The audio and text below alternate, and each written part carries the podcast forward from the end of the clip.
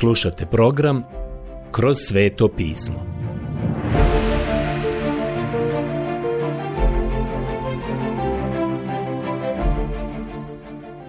Knjiga Mudre izreke Odlomak Mudre izreke Poglavlje 11 od 1. do 25. stiha Prijatelj, mi se sada vraćamo na 11. poglavlje knjige Mudrih izreka. I dok to činimo, Vidimo da je naš mladić kada je tek započeo svoj život bio upućen na svoje roditelje. Zatim je počeo samostalno živjeti svoj život i onda mu je rečeno jasno stavljeno do znanja da je strah gospodnji početak mudrosti. Pogledajte mudre izreke 1.7. Nakon toga je dobio mnogo savjeta za tinejdžersko razdoblje. Mi smo sada ovdje u 11. poglavlju. Govori se o mudrosti a za nas danas je to krist. Škola je počela i mudrost je sada učiteljica. Prošli smo put vidjeli da je čak morala izlaziti na glavne i sporedne puteve kako bi pozvala svoje učenike. I sada je dobila neke od njih. Oni su sada na nastavi, a ona predaje koristeći izreke ili poslovice. Ovo su izreke koje govore uopšte o životu. Kao što smo vidjeli na samom početku ove studije, postoji nekoliko različitih vrsta izreka i u većini njih se poučava paralelizmom. To je stilska figura koja postoji u hebrejskoj poeziji.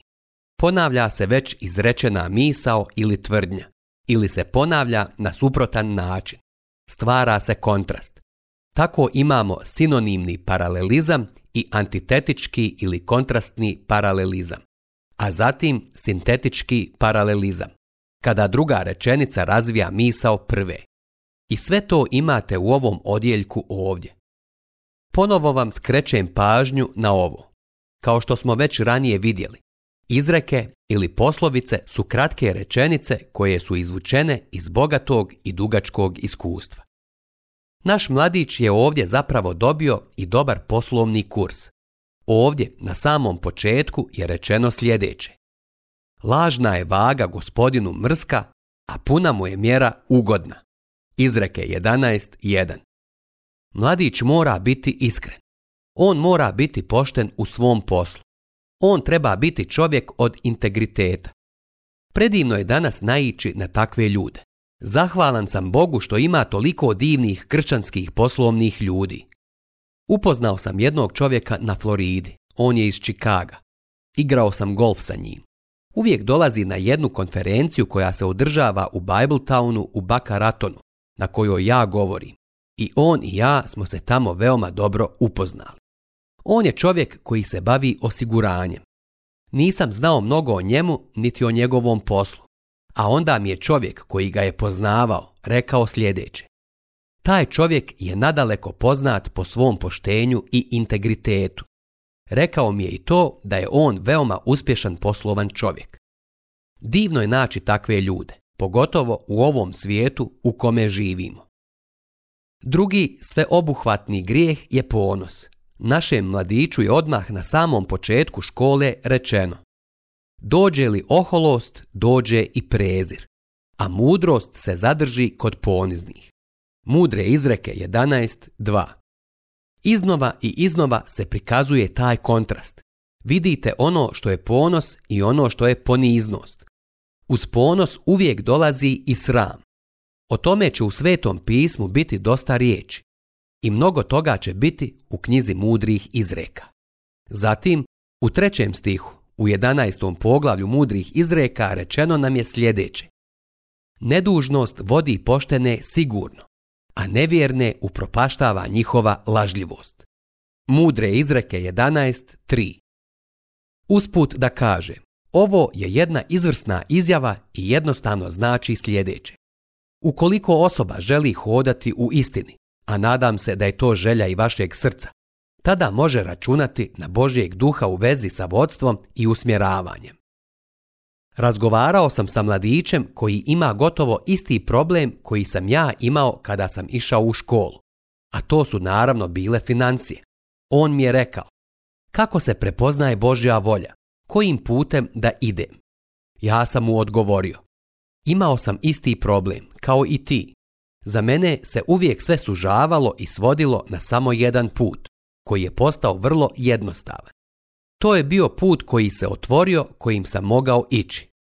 Još sam mu rekao, ako su vrata bila zatvorena, onda su bila zatvorena. Ako nisam imao novca da idem u školu, nisam ga imao. Ali gospod bi uvijek otvorio samo jedna vrata i pustio me da uđem. To bi se dogodilo iznova i iznova. Uvijek sam to tako tumačio.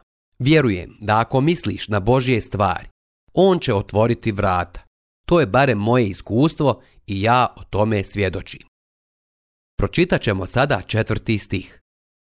Bogatstvo ne koristi ništa u dan srđbe, a pravednost izbavlja od smrti. Mudre izreke 11.4 Podsjeća li vas to na usporedbu koju je naš gospod ispričao o bogatašu i siromašnom Lazaru? Obojca su umrli. Vidjeli smo da bogatstvo tog bogataša nije ništa koristilo u dan gnjeva, a pravednost je izbavila ovog prosjaka. Odvela ga je pravo u Abrahamovo krilo. Oni koji se pouzdaju u bogatstvo definitivno imaju pogrešno poredane svoje prioritete. Nema ništa loše u bogatstvu, ali moramo shvatiti da ono ima svoja ograničenja. Ono može kupiti gotovo sve na ovome svijetu, ali neće kupiti ništa na onom. Dalje ovdje u petom stihu imamo sljedeću izreku. Nedužno me ravna put njegova pravda, a bezbožnik pada od vlastite zloče. Poštene izbavlja njihova pravda, a nevjerni se hvataju u vlastitoj zloči. Kad umre bezbožnik, propada njegovo nadanje. Očekivanje opakoga se sruši. Pravednik se izbavlja iz nevolje, a bezbožnik zauzima njegovo mjesto. Mudre izreke 11, do 8. Ovi stihovi koje imamo ovdje su sjajni i njima ja zapravo želim skrenuti vašu pažnju na ono što smo spominjali ranije.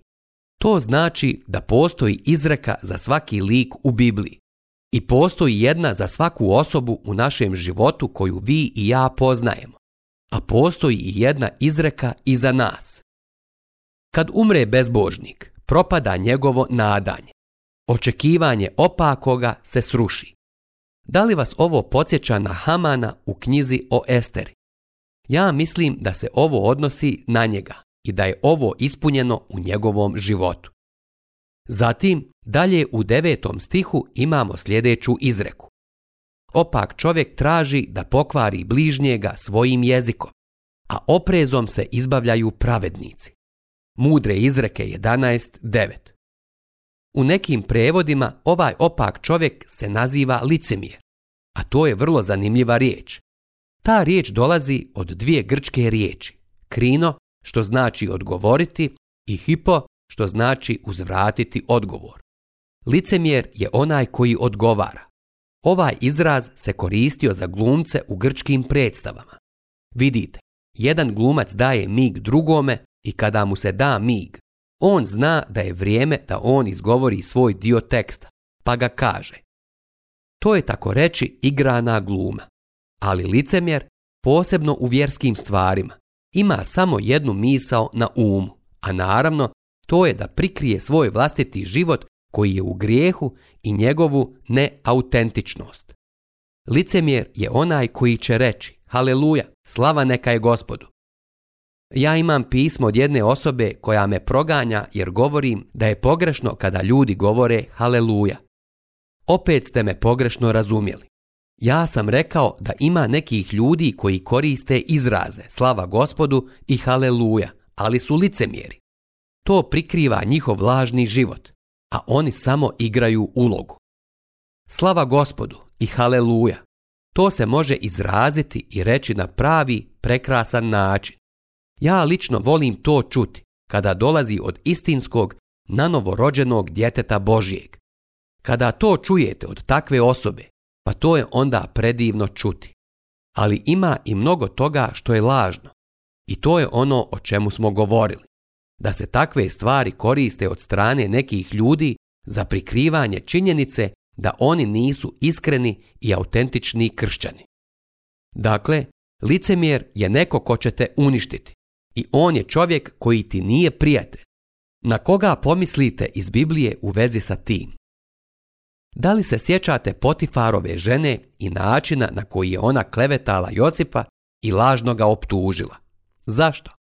Htjela je da prikrije vlastiti grijeh, da je ona kriva i naravno, ko će vjerovati jednom robu nasuprot žene faraonovog službenika? Josip nije otvarao svoja usta. On nije imao šanse. Nažalost, ponekad će licemjer u crkvi reći strašne stvari da zaštiti sebe. Uvijek sam se bojao čovjeka koji je fin prema svom propovjedniku licem u lice, ali ga kritikuje iza leđa. Otkad sam u službi, ja sam smatrao da se bolje pripaziti čovjeka koji radi tako nešto. On nešto prikriva u vlastitom životu i vrijeme mi je uvijek potvrdilo i pokazalo da je to bila tačna procjena. Ovdje imamo izreku koja to kaže. Sada stih 10. Dobru pravednika raduje se grad, a kliče nad propašću bezbožnika. Mudre izreke 11.10. Stavit ću sada Davida i Šaula u kontekst ove izreke, jer kada je David bio kralj, Jerusalem je postao veliki grad. Ali ovaj drugi čovjek, Šaul, kada je on umro, nije bilo mnogo tugovanja za njim. Pročitat sada 12. stih. Bezumnik postupa sa svojim bližnjim prezirno, a razuman čovjek tiho šuti. Mudre izreke 11.12. Sjećate li se ovog čovjeka? Želim ponovo da kažem da je David za mene primjer mnogih od ovih izreka. Da li ste ikada zastali i porazmislili o tome? Davidov život je imao ogroman uticaj na njegovog sina Solomona. Iako je Solomonova majka bila ta zbog koje je David počinio grijeh i jedina mrlja u Davidovom životu. Mimo toga, on je imao prekrasan život. I evo, na primjer, da li se sjećate kada je David izbjegao iz grada jer se njegov sin Apšalom pobunio protiv njega? A Šimej iz Šaulove obitelji ga je prokleo. Joab, Davidov vojskovođa, je želio da ode do Šimeja i probode ga kopljem. David je rekao, o ne, on govori iz srca i ovo je Božiji sud meni. Ostavi ga na miru. David je šutio. To je nevjerovatna stvar. Ja mislim da ima mnogo takvih situacija u kojima se možete naći. Da vas ljudi psuju, kleveću vaš karakter, a vi samo šutite. Gospod će se pobrinuti za to. Gospod se pobrinuo i za ovu situaciju. Ovo su predivne izreke. I ovo su prekrasna načela i principi koji su, kao što ste i sami mogli vidjeti, veoma dobri da se daju mladićima ili mladim ljudima uopšte. Volio bih vidjeti da mladi počnu proučavati knjigu mudrih izreka. To bi ih dovelo do Krista, jer je on onaj koji vodi školu mudrosti i on je za nas mudrost. To bi mladim ljudima dalo puno zdravog razuma, što nam nedostaje, Imamo puno onih koji imaju visok koeficijent inteligencije, a istovremeno nam nedostaje zdravog razuma. Dalje čitamo 13. stih. Tko kao klevetnik ide naokolo, izdaje tajne, a pouzdan čovjek čuva ih tajno. Mudre izreke 11.13. Klevetnik je onaj koji priča nešto s ciljem da povrijedi nekoga. I ponekad je ono što govori istina ali ne bi trebao to govoriti drugima. Ukoliko zna da je neki njegov brat sagriješio, trebao bi lično otići do njega i sa njim razgovarati o tome. Ako će bilo kome reći o tome, onda to nije u redu. Treba da kaže toj osobi, a da ne pokušava trčati u naokolo i svima drugima pričati o tome. Začuđujuće je koliko toga se dešava danas.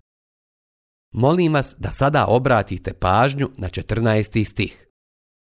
Gdje nema vodstva, propada narod, a dobro stoji gdje se čuju mnogi savjetnici. Mudre izreke 11.14. Gdje nema vodstva, a u nekim drugim prevodima piše gdje nema savjeta. Ja mislim da bi bolji prevod bio bez upravljanja. Nije bitno koliko ste pamet, potreban vam je dobar savjet morate imati dobar savjet. Sjetite se da je Daniel bio Nabukodonozorov savjetnik. Puno mu je pomagao. Bio je i Kirov savjetnik i bio mu je od velike pomoći. Pročitat ćemo sada stih 15. Veoma se zlo prolazi kad se jamči za druge. Tko izmiče pružanju ruke, ide sigurno. Mudre izreke 11.15 Kao što vidimo, Onaj ko jamči za drugoga će proći loše. Saznače da je zapravo napravio veliku pogrešku. Zanimljivo je to da mi ovdje imamo veliku istinu. Bio je jedan koji je jamčio za druge. A znate li ko je to? Poslušajte apostola Pavla. Jer znate milost gospodina našeg Isusa Krista. On je, premda je bio bogat, radi vas postao siromašan, da se vi obogatite njegovim siromaštvom. Druga poslanica Korinčanima 8.9. On je preuzeo vaš i moj dug grijeha i platio je strašnu kaznu umjesto nas. U 69. psalmu, u 5. stihu, psalmist u proroštvu govori o njemu. Moram vraćati što nikada ne oteh. On je platio naš dug, a u knjizi proroka Izaije u 53. poglavlju da je on postao odgovoran umjesto nas. U poslanici Rimljanima u 6. poglavlju u 23. stihu vidimo da je smrt plata za grijeh, što znači da on to mora platiti. I on je to platio umjesto mene. Kako je to divna stvar? Kako kaže dr. H. A. Ironsides, on je na drvenom križu podnio moju kaznu, i sada su i onaj koji je jamčio i grešnik slobodni. Zauzeo je moje mjesto. Imamo sljedeću izreku ovdje u 16. stihu. Oprezna žena je čast mužu, a žena koja prezire pravdu prijestolje je sramote. Mudre izreke 11.16. Žena je slabija posuda. Na koga vas ovo podsjeća? Mene podsjeća na Rutu. Ona i njen život su opisani u knjizi o Ruti. Bila je udovica, bila je siromašna i bila je žena. A ipak je zadržala svoju čast. Boaz je rekao, jer zna svaki u gradu, to se odnosi na cijeli grad Betlehem, da si čestita žena. Knjiga o Ruti 3.11 Ovo ne samo da znači da je ona sačuvala svoju čast na način koji ju je izbavio od bilo kakvog preljuba, već na svaki način. Oprezna žena je čast mužu, a žena koja prezire pravdu, prijestolje je sramote. Ovo se odnosi na Rutu i Boaza. Ovo su sjajne izreke. Dobrostiv čovjek čini samom sebi dobro. Nemilostiv samom sebi reže meso. Mudre izreke 11.17. Dozvolite mi sada da pređem na 18. stih. Sada ćemo pročitati jedan odjeljak. Pročitat ću od 18. do 21. stiha. Bezbožnik dobiva isprazan dobitak, a sigurnu plaću onaj koji sije pravednost. Tko se drži pravednosti, ide prema životu. Tko čini zlo, srlja u propast. Tko je lažna srca, mrzak je gospodinu, a tko ide nedužno, mio mu je. Prije će ili kasnije zao čovjek primiti kaznu a rod će se pravednika izbaviti. Mudre izreke 11, 18 do 21. Ovdje sada imamo jedan veoma jasan kontrast između grijeha i pravednosti, a spominju se i prevara i bezakonje, stvari koje će biti suđene.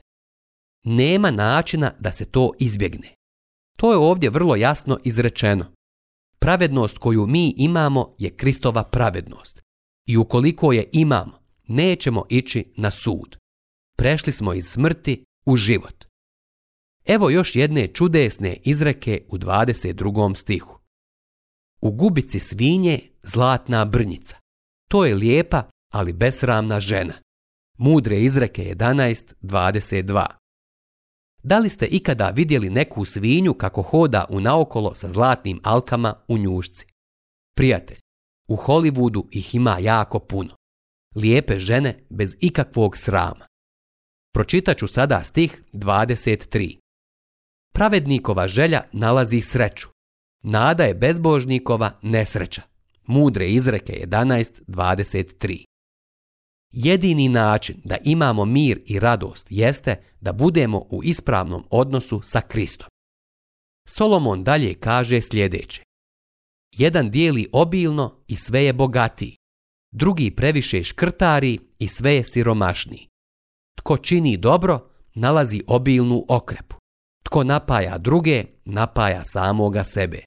Mudre izreke 11, 24, 25. Želim da kažem da je ovo paradoks. Banjan je to rekao ovako.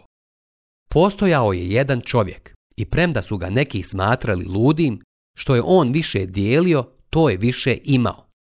Onaj ko svoja dobra razdijeli siromasima, dobit će opet toliko i deset puta više. Ovo nam otkriva onu istinu koju je i gospod rekao.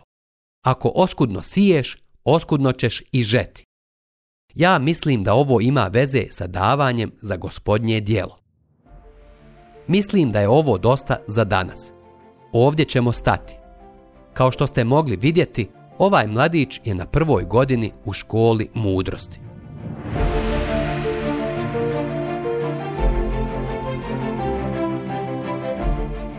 Slušali ste emisiju Kroz sveto pismo. Možete nas slušati i na našem YouTube kanalu putem mobilne aplikacije te na svim glavnim podcast platformama kao što su Google, Apple i Spotify.